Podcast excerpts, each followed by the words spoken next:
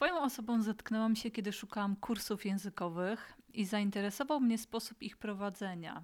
Prostota, pomysłowość i tak naprawdę dopasowanie do odbiorcy, do jego preferencji uczenia. Dlaczego uczysz właśnie w taki sposób? Wiesz co, ja, ja zastanawiałem się nad tym długo, bo tak jakby taka moja podróż językowa, ona trwa od zawsze, prawda? Na początku zastanawiałem się, jak ja sam mogę się uczyć, ale też w pewnym momencie zacząłem myśleć właśnie, jak e, pomóc ludziom. I oczywiście na samym początku było tak, że każdy tak jakby myśli, że jego sposób jest najlepszy. Ja też myślałem, że kiedy coś zaczęło w moim przypadku działać, to wydawało mi się, że wystarczy zrobić taką metodą kopiuj i wklej, prawda, żeby uczniowie czy inne osoby zaczęły uczyć się tak samo jak ja, żeby osiągać te same efekty. Ale gdy robiliśmy warsztaty w różnych miejscach w Polsce i rozmawialiśmy z ludźmi, zacząłem zauważać takie jakby coś, czego wcześniej, pracując nawet jako nauczyciel w szkole i tak dalej, nie widziałem, czyli że są różne style uczenia się, że ludzie mają różne potrzeby. Jedni na przykład potrzebują wyjaśnień gramatycznych, inni potrzebują więcej mówić, prawda? O gramatyce w ogóle nie chcą myśleć. E, I czasem jest tak, że my jako ludzie postrzegamy innych przez własny pryzmat, tak jakby myślimy, że inni są tacy jak my,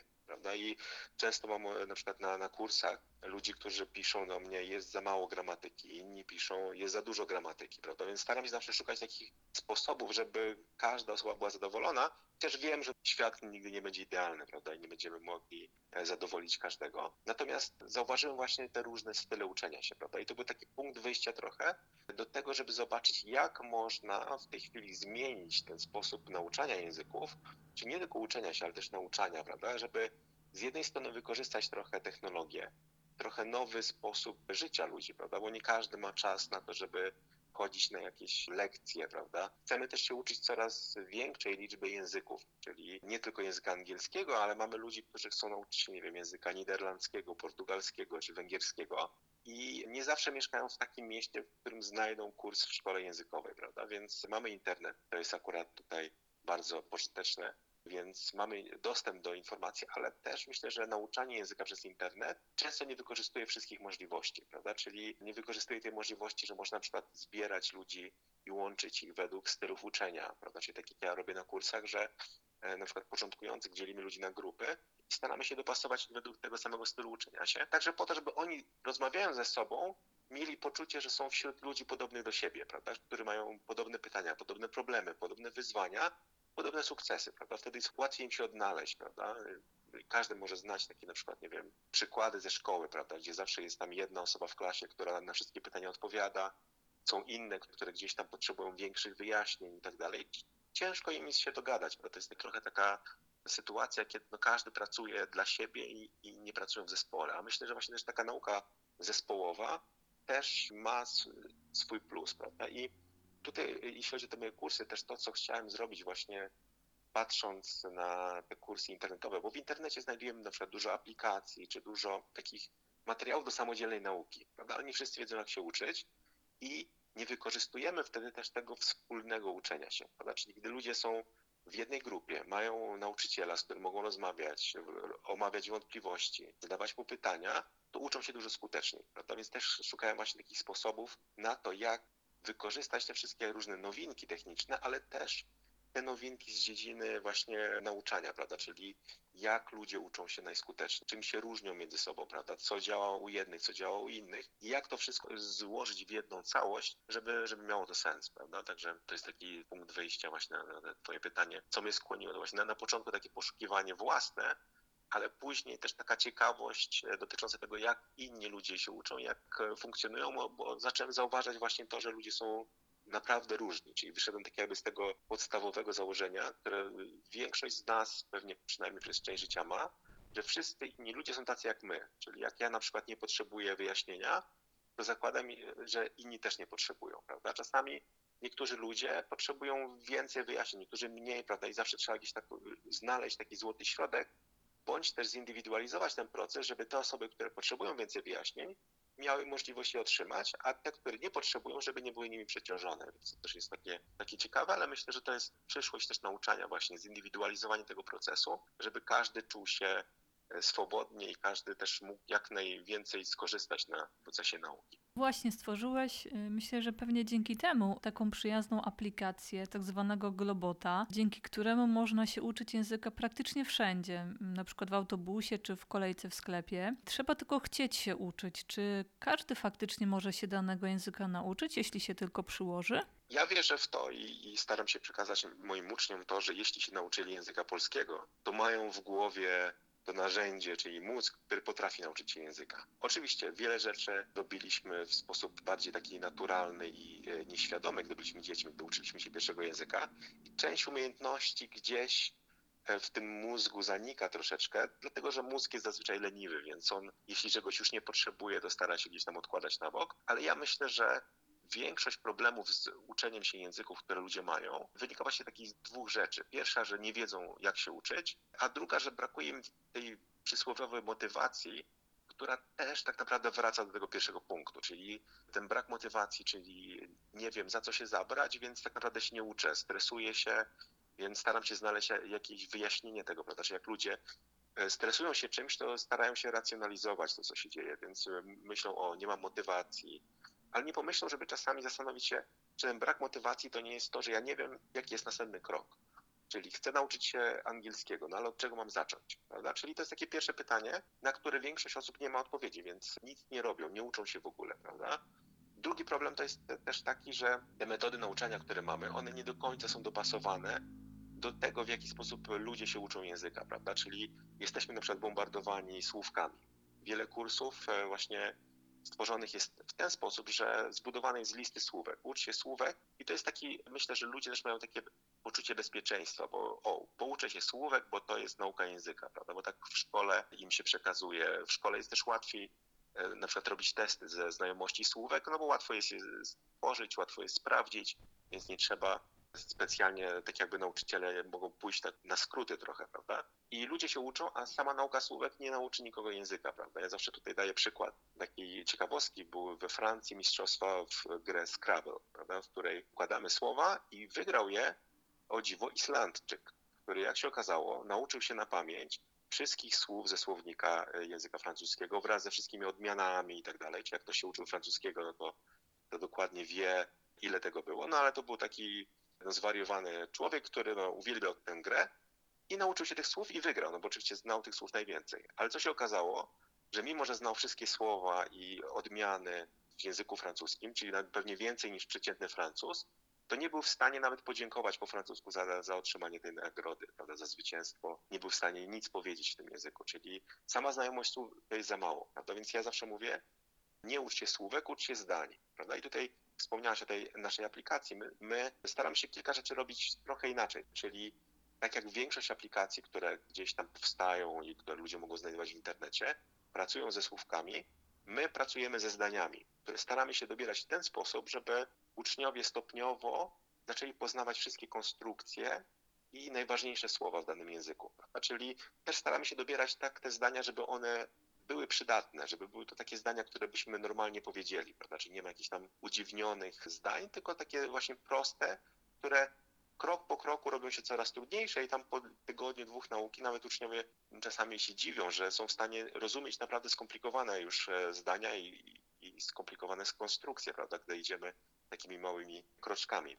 Natomiast to jest jedno, prawda. Druga rzecz, która jest w naszej aplikacji też bardzo zachwalana przez naszych uczniów, jest to właśnie, że można zadawać pytania, prawda, że tak jak mówisz, że uczysz się gdzie chcesz, czy to też się nadaje do naszego świata teraz, gdzie no, wszyscy jesteśmy w biegu, nikt nie ma czasu praktycznie. Natomiast e, mamy mnóstwo takiego czasu, które spędzamy, czy to na przykład jadąc z miejsca na miejsce, czy czekając na coś, czy mając jakąś chwilkę między zajęciami, prawda? I ja chciałem, żebyśmy ten czas właśnie wykorzystywali też nie po to, żeby, nie wiem, przeglądać jakieś wiadomości o jakichś wydarzeniach, które tak naprawdę nie mają na nas wpływu, nas tylko stresują, no po to, żeby się pouczyć języka, prawda? Natomiast ważne jest to, żeby ten uczeń on nie czuł się sam, prawda? żeby on mógł też zadawać pytania, żeby mógł rozmawiać z innymi osobami, które się uczą tego języka i są razem w grupie, które przeżywają te same problemy. Więc to wszystko staraliśmy się zebrać w jednym miejscu, prawda? Czyli żeby dana osoba też nie musiała się zastanawiać, co mam zrobić, prawda? Naszła mi ochotę na naukę danego języka, dzisiaj mam chwilę czasu i nie wiem, co, czym się mam zająć, prawda? Więc tutaj jest jasne, wchodzisz, pracujesz, masz różne zadania do wykonania, masz e, zdania do, do przejrzenia, do powtórzenia, prawda? Możesz poczytać wyjaśnienia, porozmawiać z innymi uczniami, zadać pytanie nauczycielowi, więc dużo rzeczy się dzieje, ale zawsze jest jasne, prawda, że e, każdy uczeń wie, co ma robić, prawda? Czyli moja rola jest też taka i też myślę, że dużo osób mówi, że to nie nauczyciel, ale uczeń jest odpowiedzialny za proces poznawania języka czy czegokolwiek, prawda? I to często jest powtarzane, bo chcemy jako nauczyciele w tych uczniach wyzwolić taką energię do nauki, pokazać, że to słuchaj, to od ciebie zależy, ja tu jestem, żeby ci pomóc.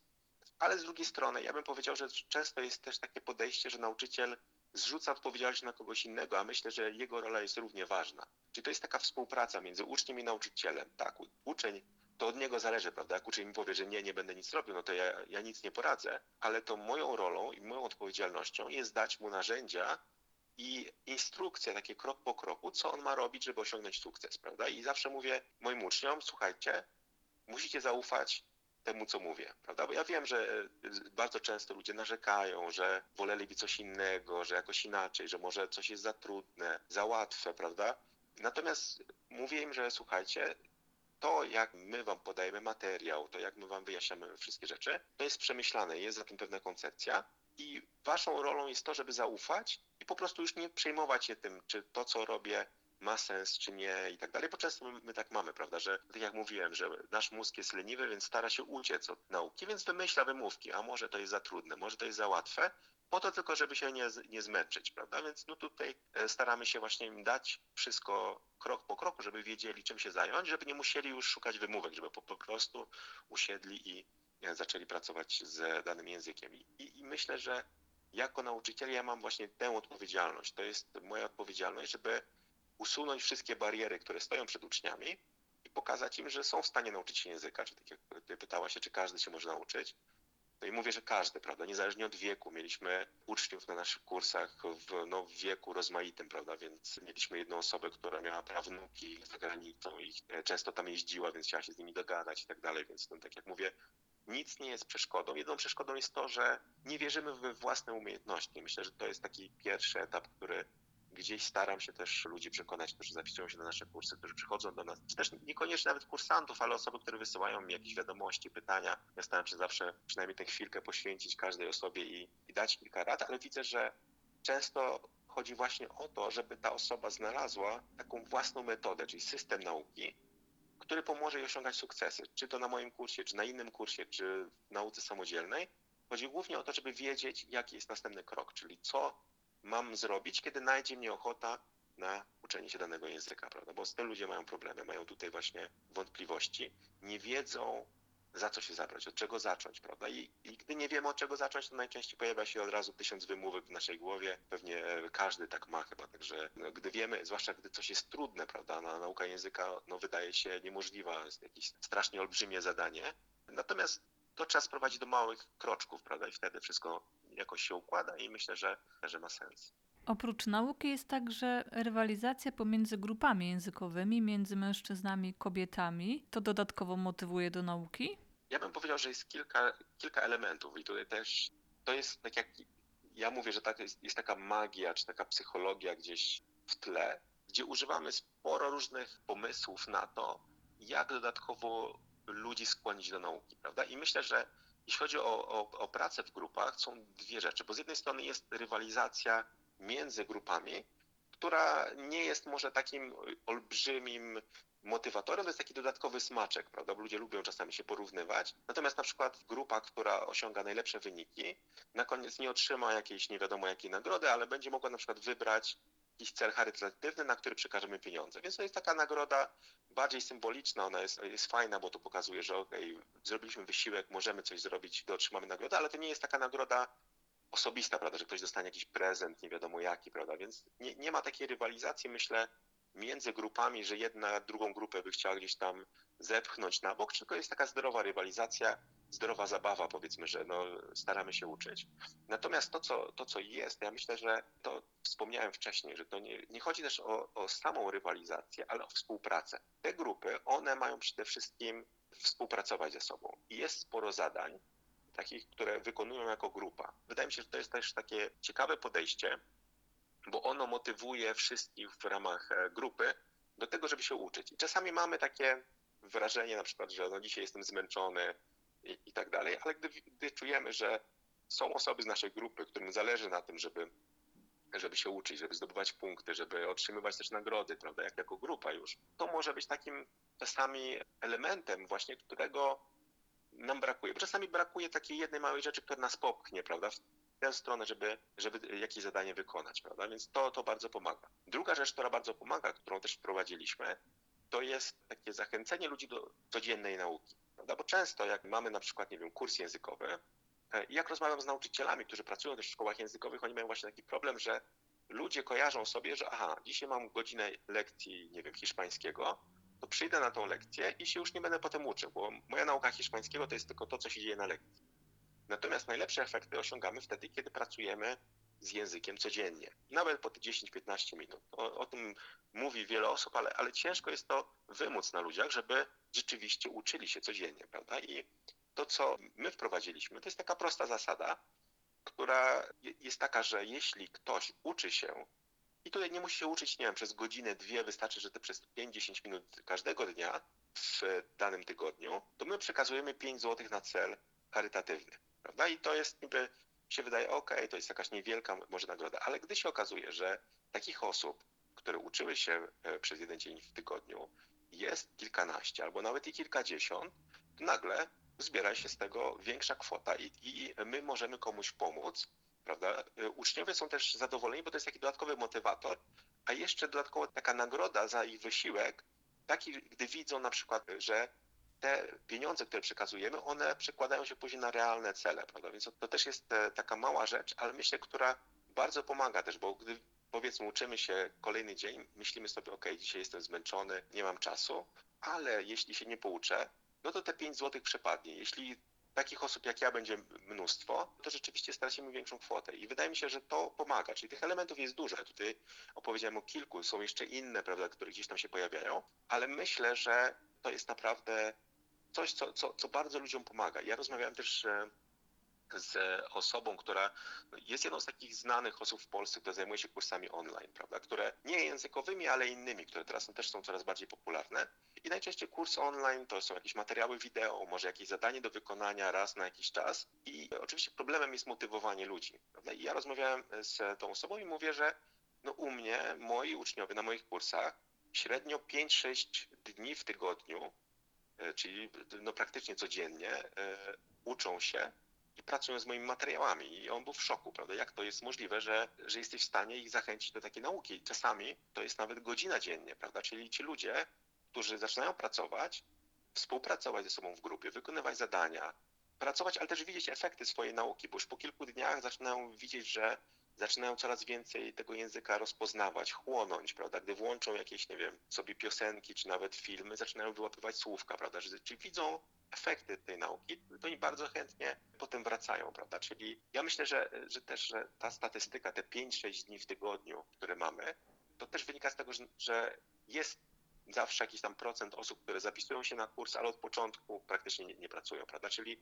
jeśli już ktoś ma taką minimalną motywację do tego, żeby zacząć, to najczęściej zostaje, najczęściej powiedzmy tak w cudzysłowie wkręca się w cały ten sposób nauki i to mu pomaga, bo efekty zaczynają przychodzić, prawda? To jest tak, że też ten kurs on ma kilka faz, prawda? To nie jest tak, że gdzieś oczekujemy, prawda, że no nie wiem, po dwóch dniach nagle będziemy znać cały język, bo pewne rzeczy gdzieś tam muszą przejść e, przez te kilka faz, ale widzę i słuchając tych, tych, tych naszych uczniów już po tych kilku miesiącach nauki, że osiągają efekty, mimo że wcześniej tych efektów w ogóle nie mieli, prawda? Więc, e, więc to też jest bardzo budujące i bardzo motywujące, gdy widzimy kogoś, kto na przykład próbował się uczyć języka, nigdy mu się to nie udało i nagle jest w stanie w tym języku mówić, prawda? Więc e, myślę, że to jest taka największa nagroda za ten wysiłek, na te godziny czasami poświęcane przy przygotowywaniu kursu, odpowiadaniu na pytania uczniów i tak dalej. To jest to, że rzeczywiście to działa, prawda? Więc to, to myślę, że to jest bardzo, bardzo pocieszające i rzeczywiście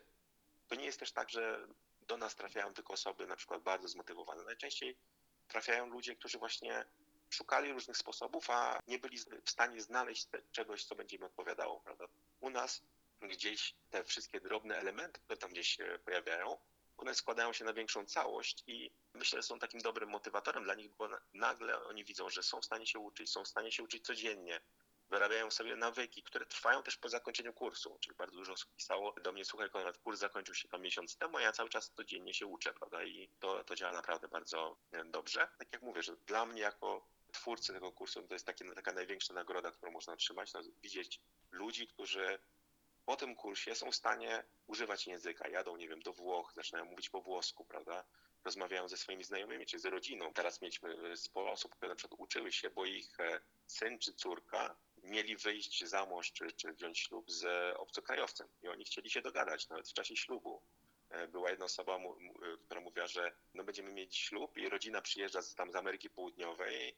Oni nie mówią ani po angielsku, ani w innym języku więc musimy się z nimi dogadywać po hiszpańsku, więc zapisałem się na ten kurs hiszpańskiego po to, żeby móc przynajmniej na jakichś takich podstawowych rzeczach porozmawiać właśnie z rodziną mojego przyszłego zięcia czy przyszłej synowej. Więc są takie bardzo ciekawe sytuacje, ale też pokazujące, że ten nasz świat się zmienia, prawda, że no, ludzie podróżują dużo więcej, prawda, w naszych rodzinach.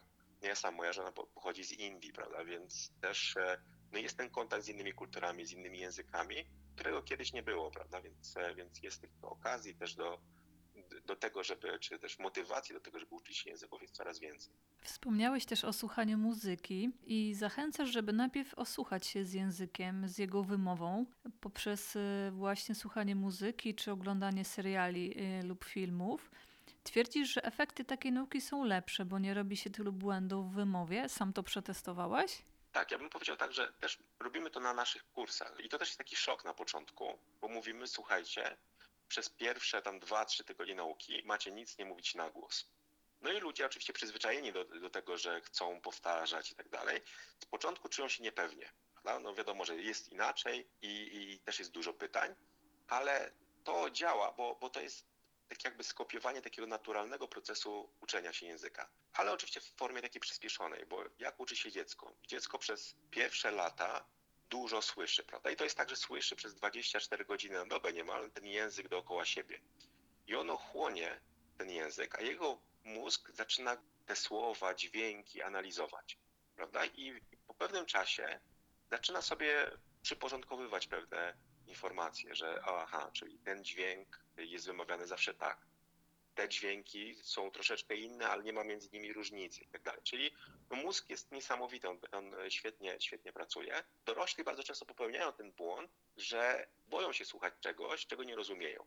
Prawda? Nie wiem, czy ty, czy, czy osoby, które będą, będą słuchały naszej rozmowy, one mogą mieć e, takie sytuacje czasami, że a, obejrzę sobie na przykład film po angielsku. Włączamy film, nic nie rozumiemy, więc od razu się stresujemy, po minucie wyłączamy albo przełączamy na lektora i tak dalej, żeby mieć takie poczucie bezpieczeństwa. Natomiast małe dziecko się tym nie przejmuje. Ono ogląda, ono cieszy się z tego, co słyszy i nie martwi się, że, że czegoś nie rozumie, że jakieś słowo jest nieznane. Jakbyśmy na przykład przeanalizowali też na przykład nasze dzieci, które oglądają jakieś filmy, one bardzo często gdzieś 10-20% słów nie rozumieją bo te słowa w tych filmach też e, dla dzieci bardzo często są dosyć trudne, prawda? I, ale im to nie przeszkadza. One cieszą się, że oglądają jakiś film, że ten język gdzieś tam do nich dociera zupełnie przy okazji i, i to działa, prawda? Natomiast dorośli mają ten problem, że nie chcą słuchać. I e, ja zawsze mówię, że największy problem w tym, że nie rozumiemy też języka obcego, nie rozumiemy tego, co do nas ludzie mówią, to jest to, że w ogóle nie słuchamy. I można się zastanowić, ile czasu spędziliśmy w ostatnim czasie na słuchaniu czegoś w języku, którego się uczymy.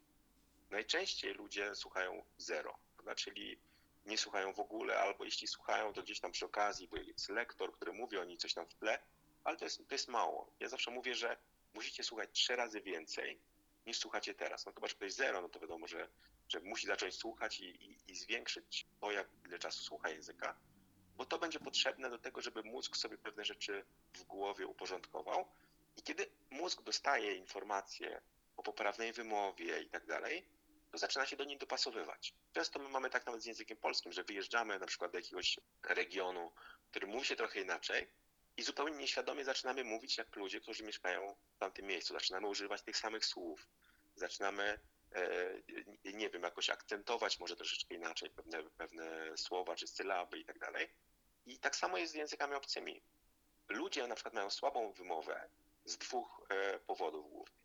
Pierwszy to jest to, że za mało się osłuchali z tym prawdziwym językiem. Słuchali na przykład częściej samego siebie albo nauczyciela, który niekoniecznie był, pochodził z danego kraju.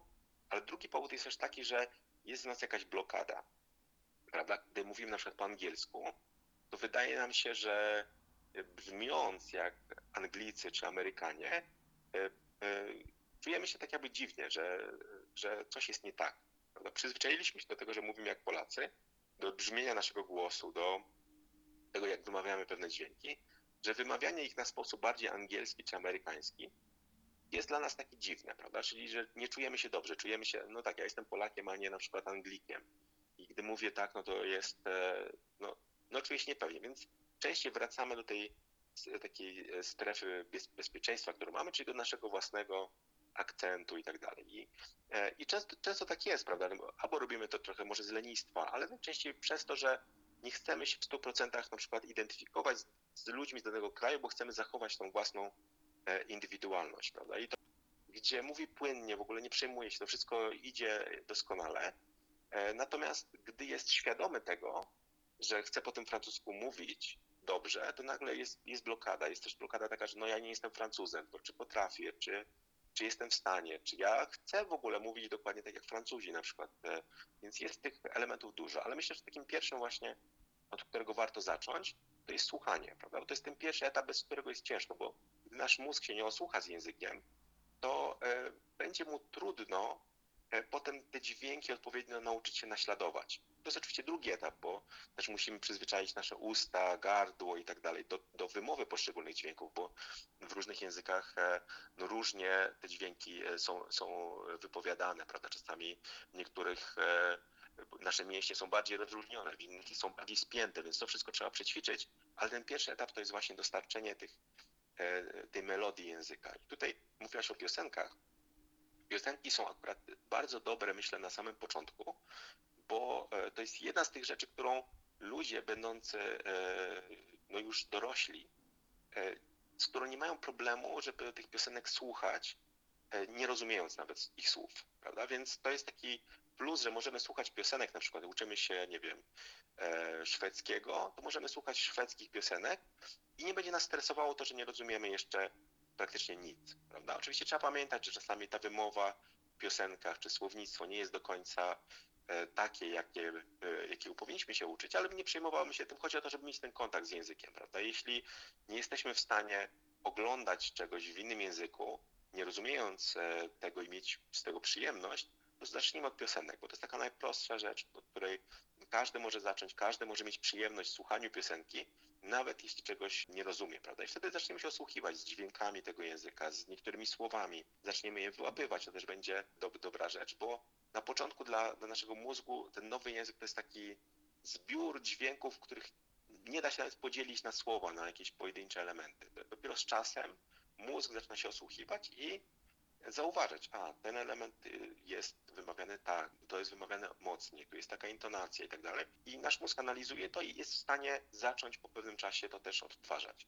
Ale myślę, że też dobra właśnie rada to jest to, co ja mówię naszym uczniom na kursach, to jest to, żeby na początku nauki nie mówili na głos, bo gdy mówią na głos, to z założenia no, na pierwszej lekcji nie jesteśmy w stanie mówić tak, jak powinniśmy, popełniamy dużo błędów i nasz mózg słyszy naszą błędną wymowę.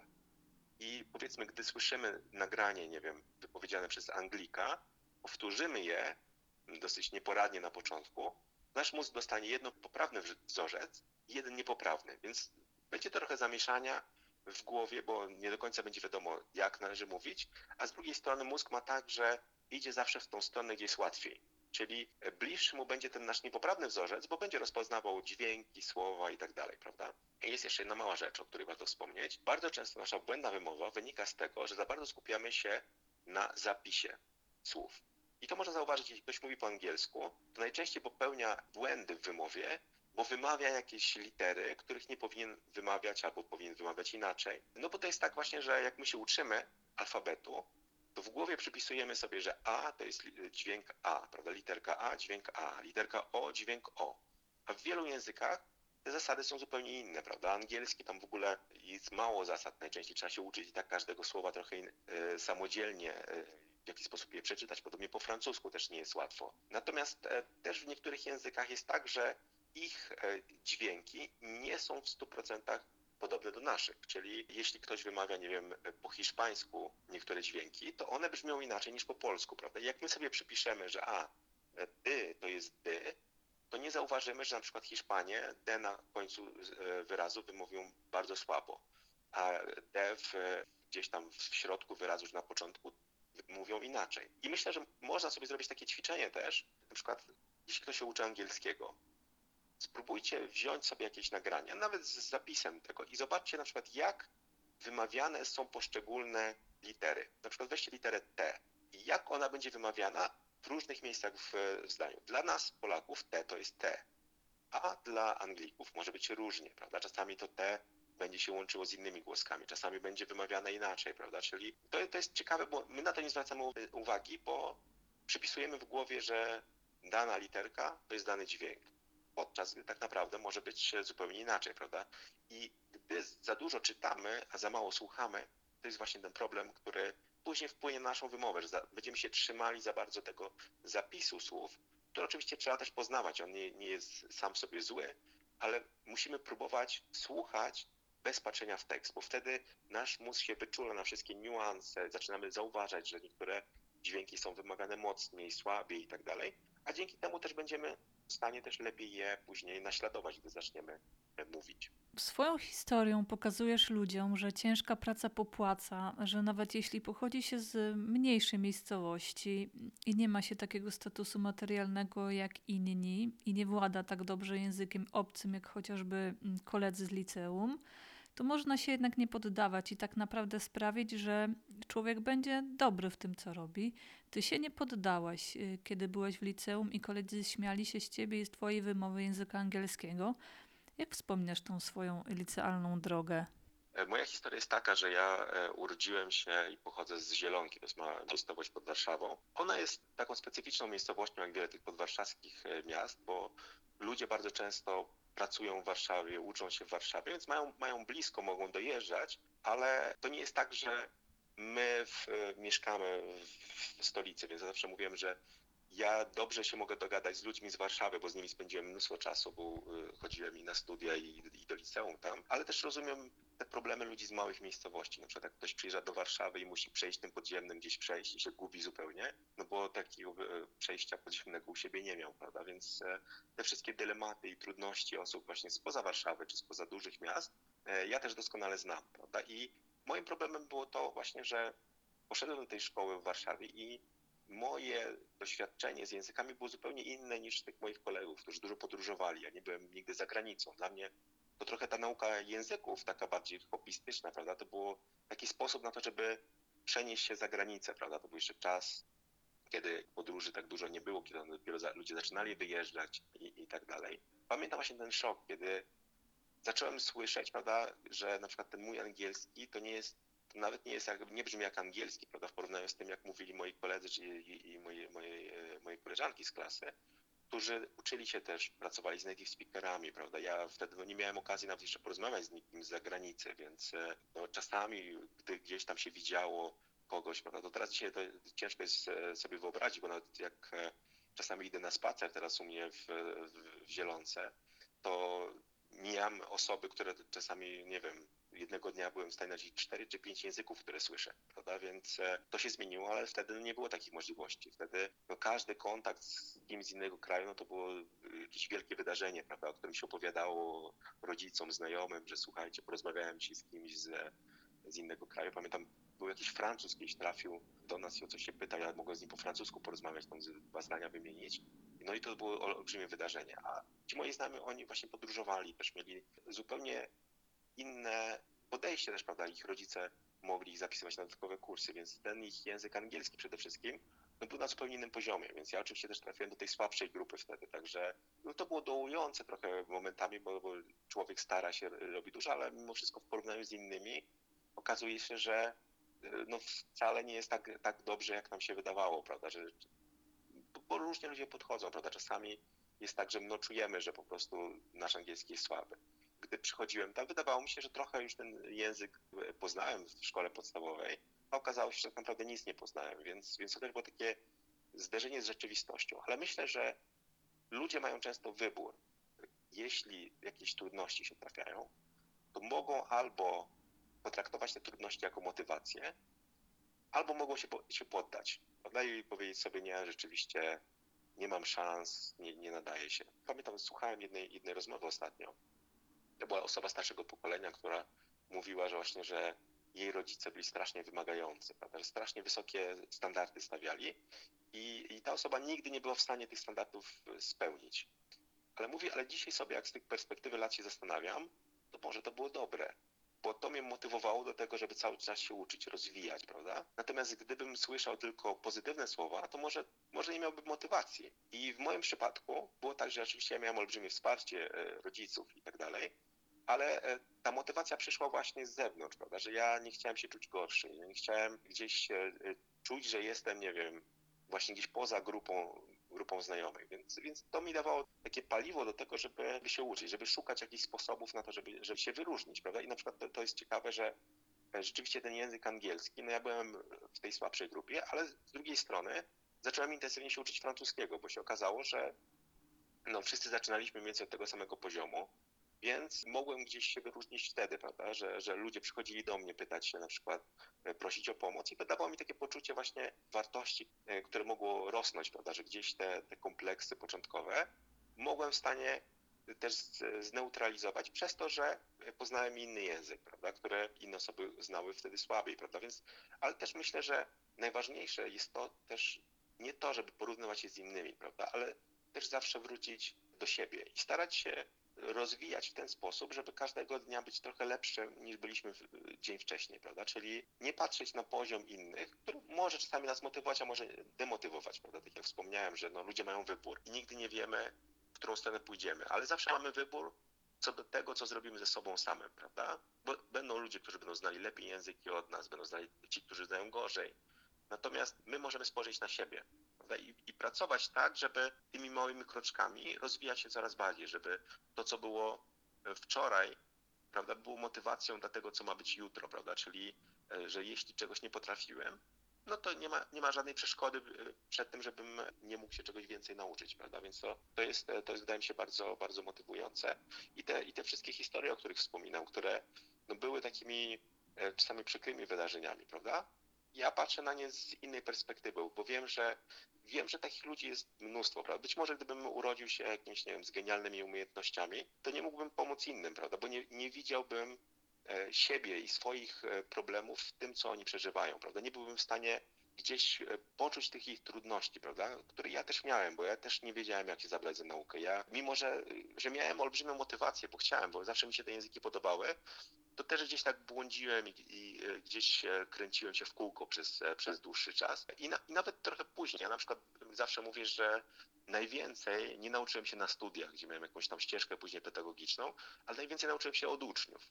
Czyli wiele z tych rzeczy, które dzisiaj ja wykorzystuję, dowiedziałem się od uczniów. Czy to bezpośrednio, bo oni mi poinformowali o jakiejś nowince, czy też przez to, że, że ich obserwowałem, że widziałem, jak oni pracują. Więc taka nauka też e, w praktyce. Myślę, że można to odnieść do, do nauki wszystkiego, też do nauki języków, że bardzo dużo uczymy się właśnie, gdy zaczynamy tego języka używać, bo wtedy widzimy, czego nam brakuje. Moja rada jest taka, żeby może nie patrzeć tak bardzo na innych, ale skupić się na sobie i pomyśleć, jaki ten kroczek możemy wykonać dzisiaj, żeby ten język lepiej poznać. A możliwości mamy teraz dużo więcej niż kiedyś? Ja, ja wtedy w tamtych czasach no nie było jeszcze internetu, musiałem gdzieś po bibliotekach wyszukiwać różne książki e, i tak dalej. Dzisiaj jest dużo łatwiej. Mamy, tak naprawdę mamy tę możliwość, że no mamy całą wiedzę tego świata praktycznie w naszej kieszeni dosłownie, prawda? Możemy wziąć telefon i, i wyszukać informacje, więc e, problemem jest teraz to, żeby rzeczywiście mieć taką motywację, żeby do tej kieszeni sięgnąć, prawda? Żeby wiedzieć, co wyszukać i tak dalej.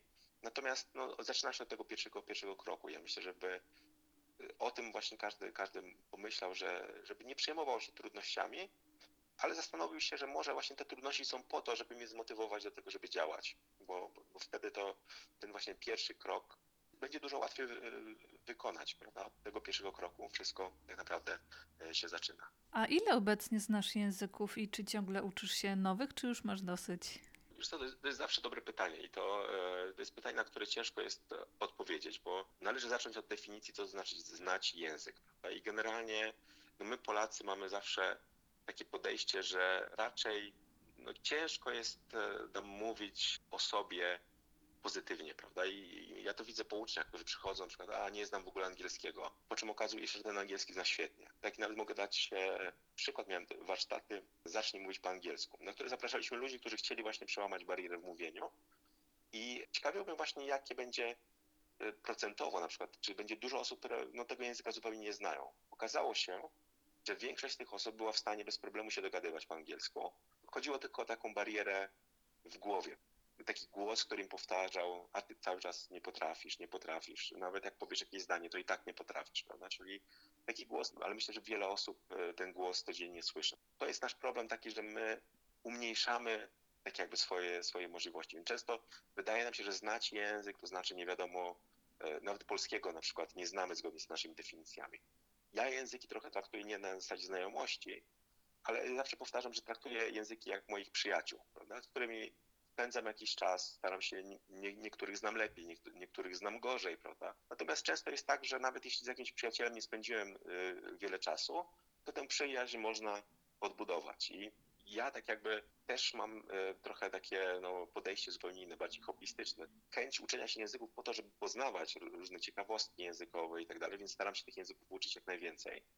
Moim marzeniem byłoby nauczyć się przynajmniej tych 100 języków, co nie jest takie łatwe już na samym początku, jeśli byśmy chcieli stworzyć listę 100 języków, możecie zrobić sobie takie ćwiczenie, mówię do naszych słuchaczy, wypiszcie wszystkie języki, które znacie, to nie dojdziecie do, do 100 na pewno, więc to jest już spore wyzwanie, ale, ale to, to jest taki bardziej e, taki cel dalekosiężny, który gdzieś tam mnie motywuje i napędza, prawda? Czyli ja w tej chwili codziennie gdzieś tam staram się spędzać czas z z 30-40 językami. Niektóre znam bardzo słabo, prawda? Niektóre znam dużo lepiej, więc no, gdybym miał rozmawiać, to w kilkunastu językach bym był w stanie się dogadać, ale wiele języków jestem w stanie rozpoznać, jestem w stanie czytać w tych językach, chociaż na przykład może mówię w nich słabiej, prawda? Bo, bo jest też tak, że ucząc się jednego języka, czasami drugi dostajemy w prezencie, prawda? Czyli my Polacy mamy trochę na przykład język słowacki w prezencie, bo gdybyśmy e, spędzili z tym językiem kilka godzin, to jesteśmy w stanie sobie spokojnie czytać po słowacku, czy nawet rozumieć, prawda, gdy załapiemy podstawowe różnice między polskim i słowackim.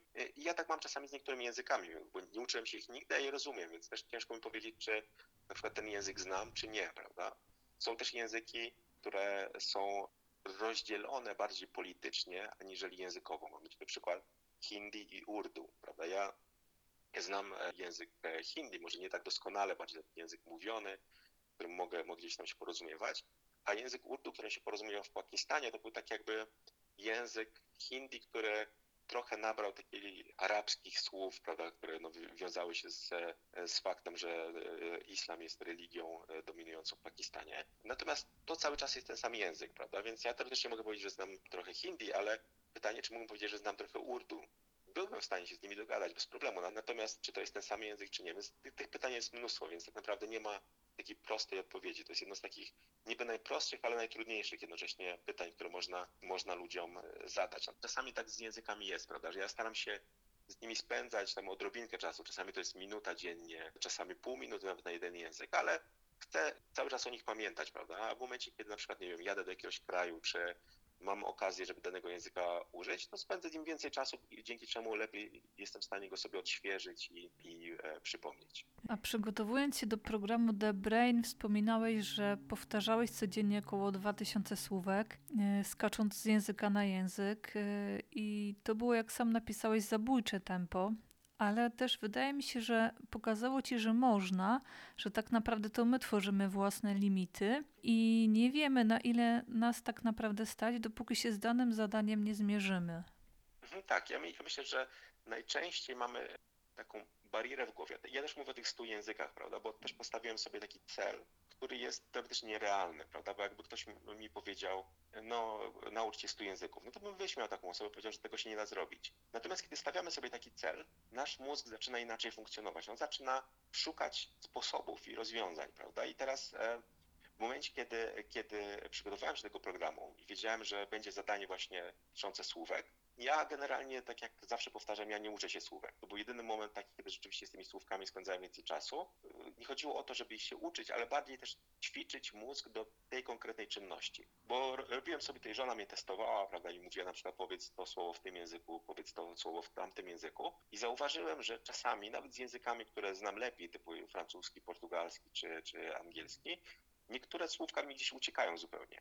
Prawda? Dlatego, że no, nie wiem, ten mój mózg się nie przełączał na dany język. Prawda? Czy to była taka niby prosta rzecz, a jednocześnie ona sprawiała mi, mi trudność, bo mózg nie był wyćwiczony do tego, bo to nie jest taka naturalna umiejętność, prawda? Rzadko kiedy ktoś przechodzi z jednego języka na drugi, prawda? To trzeba wyćwiczyć. Ja czasami tak mam, że gdy mówię w jakimś języku i chcę powiedzieć, na przykład, nie wiem, e, dzisiaj e, powiedzmy rozmawiałem z e, jedną osobą po portugalsku i chciałem może podać jakieś przykłady z języka, nie wiem, niemieckiego czy francuskiego, to wtedy no, mój mózg gdzieś zaczyna parować praktycznie, bo nie wie, co się dzieje, prawda? Że gdy zmieniamy, przechodzimy z jednego języka na drugi, to jest pewna umiejętność, którą trzeba wyćwiczyć, prawda? Jeśli nie robimy tego na co dzień, no to należy wtedy się zatrzymać, pomyśleć, przełączyć język z jednego na drugi i wtedy to działa. Natomiast ja wiedziałem, że będę musiał to robić szybko, więc jak ja mówiłeś, miałem listę różnych, różnych słów, które ćwiczyłem po prostu na zasadzie takiego, tak jak w tym programie tam było tych słówek sześć, które dostałem, no te, te,